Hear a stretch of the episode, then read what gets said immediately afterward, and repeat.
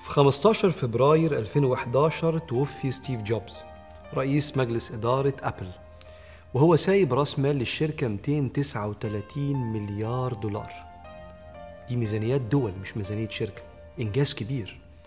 توفي وهو عنده 56 سنة وسايب وراه جيش من المنتجات الإلكترونية في عالم الترفيه والإتصالات والكمبيوتر. المنتجات دي كان بيقود بها العالم. لكن لو فكرت في حياة ستيف جوبز مش هتلاقي إن أكبر إنجاز عنده الشركة. الإنجاز الأكبر في وجهة نظري هي نفسيته القوية اللي كانت ممتلئة بالمثابرة والأمل الدائم اللي كان سر عمله الدائم. ستيف جوبز أبوه ما كانش صاحب شركة كبيرة. ستيف جوبز بدأها من تحت الصفر من تحت السلم. وجرت عليه السنة الربانية إنه من يتقي ويصبر فإن الله لا يضيع أجر المحسنين. ودي سنة ربنا إن اللي بيتعب ربنا بيكرمه. وهذه السنة تسري على الجميع بغض النظر عن مكان عيشته أو سنه أو ديانته. ستيف جوبز كان طفل فقير تخلى عنه أبوه وأمه لكنه كان عايز يتعلم وعامل لنفسه قيمة.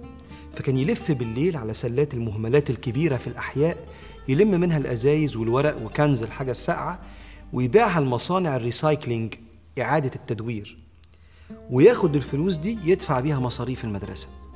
ولما كبر كانش عنده قدرة إنه يدفع إيجار سكن الجامعة. فاتفق مع أصحابه إنه ينام على الأرض بين السراير. ولما كان في الجامعة من حبه للشغل في الإلكترونيات راح اشتغل حاجة بسيطة أوي في شركة دل بتاعت الكمبيوتر بس عشان يتعلم. ولما عدت بيه الأيام وقدر يأجر بيت صغير عمل ورشة في بير السلم. في الجراج اللي تحت البيت. والجراج ده كان النواة لمنتجات أبل العملاقة. ستيف جوبز عبد زيك زيه اللي بيدبر حياته هو اللي بيدبر حياتك وهو ربك لكن لكل مجتهد نصيب مش بس ستيف جوبز الإمام الكبير محمد بن إسماعيل البخاري العالم المحدث الرحالة سمع كلمة من شيخه كان شيخه بيقول من يجمع لنا صحيح سنة رسول الله صلى الله عليه وسلم فوقعت في قلبه. هو كان من حتة اسمها طشقند قريب من روسيا كده لف الدنيا عشان يأخذ حديث رسول الله من ثقات الرواة وأحفظهم للحديث. جه مصر وراح العراق والشام ومكة والمدينة وخراسان بيقول مشيت على قدمي ألف فرسخ ثم تركت العدد أكثر من خمسة آلاف كيلو. مجهود ومثابرة خلت الإمام البخاري أي حد بيروي حديث في ميزان حسنات الإمام البخاري فتصور مقامه في الآخرة. ستيف جوبز الإمام البخاري وآلاف من المجتهدين المثابرين اللي ربنا أكرمهم بعد تعب. فابدأ. ابدأ من الآن وكلك إيمان ومثابرة. لو عايز تعمل أي إنجاز مادي أو عندك رسالة عايز توصلها العبقرية شيء جميل لكنه لا يكفي. والموهبة أجمل لكنها لا تكفي.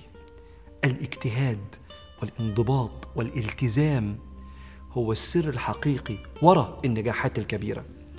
عشان كده لو في كلمة تحفظها لستيف جوبز احفظ المقولة دي. بيقول إيه؟ بيقول لا يهمني أن أكون رجلا غنيا ولكن يهمني أن أضع رأسي على الوسادة في آخر اليوم وقد قدمت شيئا. فبسم الله. اجمد كده بالله وكمل طريقك وكلك مثابرة وربنا معاك. فاللهم يا ربنا قو ضعفنا وبارك في أعمارنا وبلغنا بعونك فوق آمالنا.